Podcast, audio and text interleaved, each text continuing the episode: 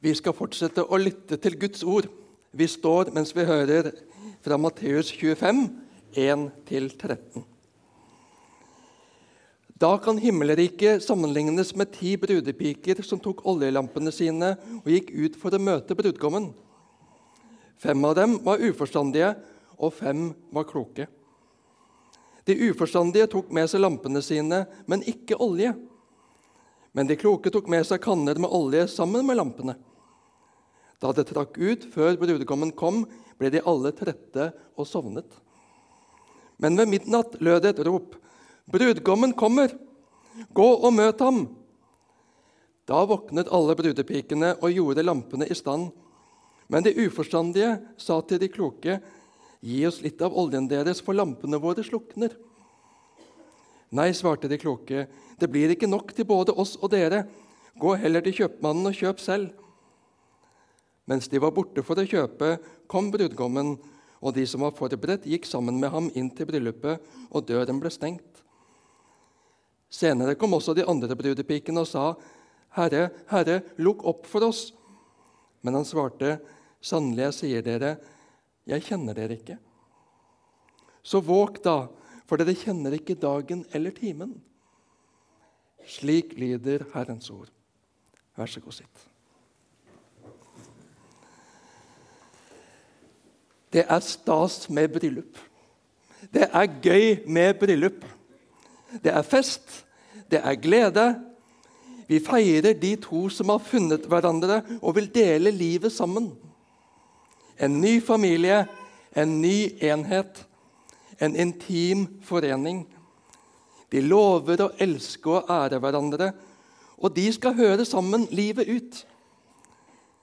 Du skal være min nærmeste. Du skal være min fortroligste. Ingen skal stå meg nærmere enn deg resten av livet. Det er verdt å feire. Når Jesus bruker et bilde for å forklare himmelriket, for å forklare Guds rike, det som kommer etter de årene vi skal leve her på jorda, så sammenligner han med et bryllup. En ny familie en ny enhet, en intim forening. Gud ønsker ikke et distanseforhold til oss, men en dyp og god nærhet.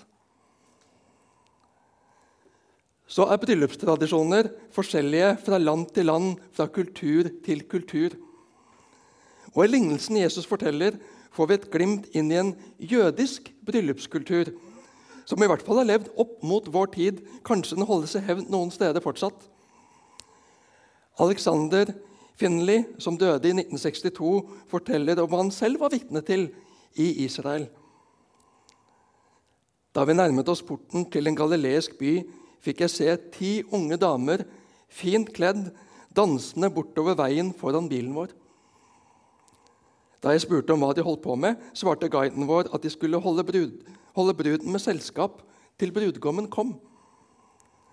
Jeg spurte om det var noen sjanse til å få se bryllupet, men guiden ristet på hodet og sa det kan bli i kveld, eller i morgen kveld, eller om 14 dager. Ingen vet det sikkert.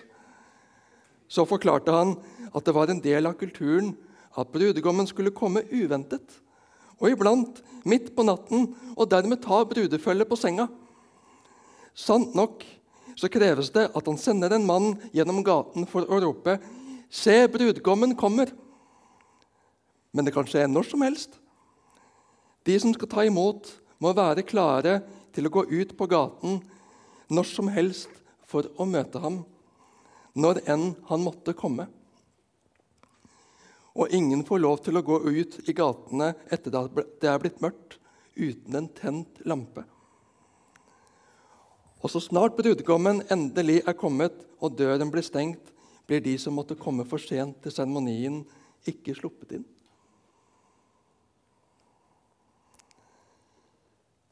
Ole Gunnar Hegle, en av studentene i menigheten vår, han snakket tidlig i høst en onsdag kveld om brudemystikken i Bibelen. Hvordan Gud omtaler relasjonen til oss som en relasjon mellom brud og brudgom. En nær relasjon, en intim og fortrolig relasjon Det handler ikke om å fortjene. Det handler ikke om å få til. Det handler ikke om en, om en lykkes eller ikke lykkes. Det handler om en kjærlighet som ønsker å være nær sin kjære. Bruke tid med en sterk tilhørighet. 'Jeg elsker deg. Jeg vil være sammen med deg.' Sånn er Guds kjærlighet til oss. I denne lignelsen i dag så har Jesus en litt annen innfallsvinkel, med et annet poeng som også er viktig for oss.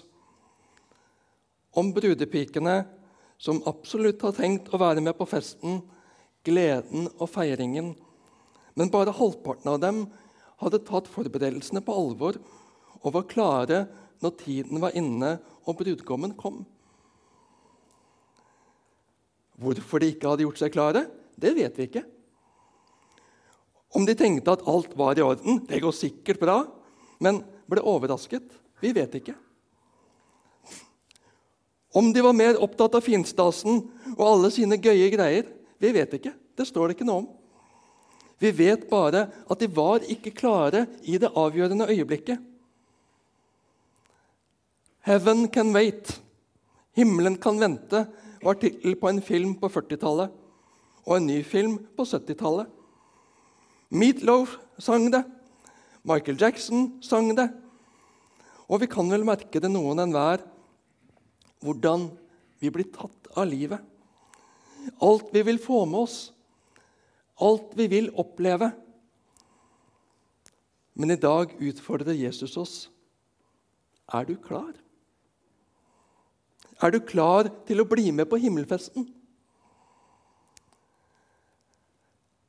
Brudepiker er fint pynta og vakre å se til.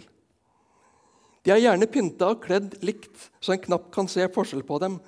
Alt ser topp ut. Helt perfekt. Vi kaller oss kristne. Vi går i menighet. Vi har kanskje til og med en tjeneste også. Alt ser vel og bra ut. Likevel er Jesus i lignelsen ærlig med at det er, var noen som ikke hadde det avgjørende i orden. De hadde ikke olje på lampa. I en lignelse så er det ikke slik at alle ledd kan oversettes med et konkret innhold. Vi kan ikke si at å ha olje på lampa det betyr det eller det, men det er et bilde på å være forberedt. Å være klar til Jesus kommer for å hente oss hjem til bryllupsfesten. Er jeg klar til å bli med når Jesus kommer? Alle brudepikene hadde lamper, men for noen sluknet de fort. Vi lærer at det er kun troen på Jesus som kan frelse oss. Jesus' soning for mine synder, at jeg aksepterer den, tar imot den, erkjenner at jeg kan ikke frelse meg sjøl, men at jeg trenger Jesus, det han har gjort for meg. Jeg har tatt en bestemmelse, men har tråden blitt forankret i meg? Har den fått feste? Eller var det bare et blaff? Det var så god stemning den kvelden. Det føltes så riktig å si ja til Jesus. Musikken var så fin, taleren var så overbevisende, så jeg rakk opp hånda da jeg ble oppfordret til det. Da ga jeg Jesus mitt ja. Og siden så har jeg hengt med på lasset. Det er flott å ha sagt ja til Jesus. Gud velsigne deg. Men har du blitt forankret i ham, slik at når det regner på, når livet blir tungt og vanskelig, at troen, at Jesus får bære deg gjennom det? Eller blåser bestemmelsen bort ved første motstands vindkast? Er du bare en del av gjengen, eller har det blitt ditt? Dette tror jeg på, dette går jeg for, dette lever jeg på. Er det noen utfordrende spørsmål i troen som du ikke har våget å gå inn i? Jeg vil være en kristen, men jeg kan ikke forstå hvorfor Bibelen absolutt har noe imot Du skyver det foran deg. Du orker ikke å ta tak i det. Det bare ligger der og ulmer og skaper en usikkerhet, en rastløshet. Du får ikke fred. Jeg vil oppfordre deg til å våge å ta tak i spørsmålene, selv om det føles dumt etter så lang tid. Våge å innrømme at det utfordrer deg. Let. Studer Bibelen. Søk svar framfor at spørsmålene skal få ligge og gnage og skape en avstand til Jesus. Ikke la spørsmålene få stå mellom deg og Jesus og skape avstand. Lever du det du lærer, eller er det ting i livet ditt du ikke vil gi Jesus hånd om? Jesus, du skulle ha hånd om alt i livet mitt, men akkurat dette, det styrer jeg. Dette vil jeg holde for meg sjøl. Det er mitt liv. Det er min rett til å holde på den vanen. Ingen er perfekte. Dette er min svakhet, men jeg vil ikke gi slipp på den.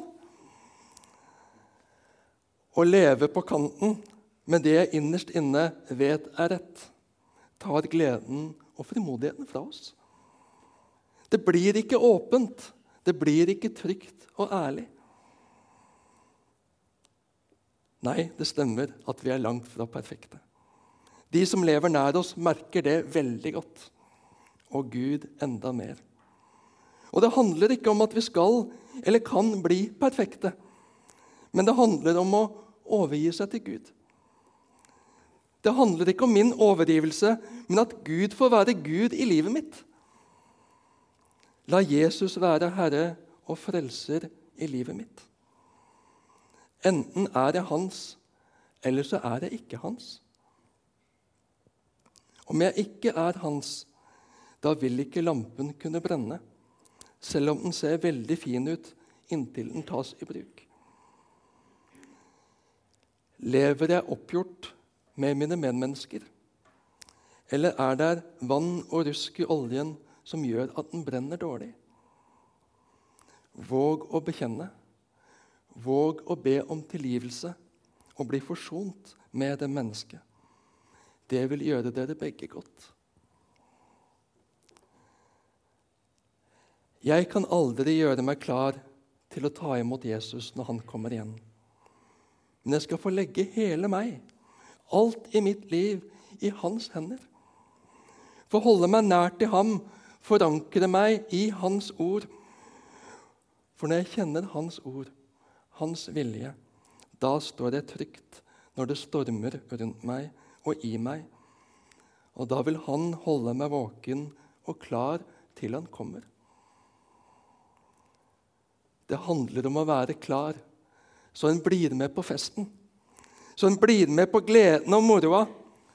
Det vi er invitert til, det, der vi er skapt til å høre til. Bryllup er glede, feiring av livet, feire forening og tilhørighet, nærhet og fellesskap. I himmelen, hjemme hos Gud, skal vi endelig få være skikkelig hjemme. Der vi hører til. Her kan vi ha det godt og kjenne på god tilhørighet. Men alt er ikke tipp topp her. Vi kan kjenne oss ensomme. Vi kan kjenne på utfordringer i relasjonene. Vi kan kjenne på usikkerhet. Der skal det ikke være mer utenforskap. Der skal det ikke være noe ensomhet eller vanskeligheter i forhold til andre mennesker. Der er jeg hjemme. Der er jeg helt trygg. Der er jeg helt meg selv. Der skal jeg få leve til fulle det jeg ble skapt til. Her kan jeg kjenne på knuste drømmer, planer og mål som ikke ble innfridd. En fikk ikke den jobben en håpet på. Sykdom gjorde at livet ble begrenset i forhold til det jeg så for meg. Men da skal du og jeg få leve 100 det vi ble skapt til å være. Ingenting som trekker livet ned. Det kom Jesus for å gjøre mulig. Det kom Jesus for å invitere oss til. Er du klar? Vil du bli med på festen som ingen ende skal ta? Vil du bli med på festen som ikke har noen dagen derpå? Jesus er klar. Jesus har fiksa alt du trenger. Du skal slippe å tenke på at du ikke passer inn. Festantrekket har han fiksa for å bli i bildet. Du skal slippe å gjøre deg fortjent til å komme inn. Du er invitert. Du er ønsket. Du er hjertelig velkommen. Det er ingen inngangspenger. Jesus har betalt alt som skal betales. Han har ordna det. Det er ikke noe du skal gjøre deg fortjent til. For det det handler om, er at Jesus vil ha med deg.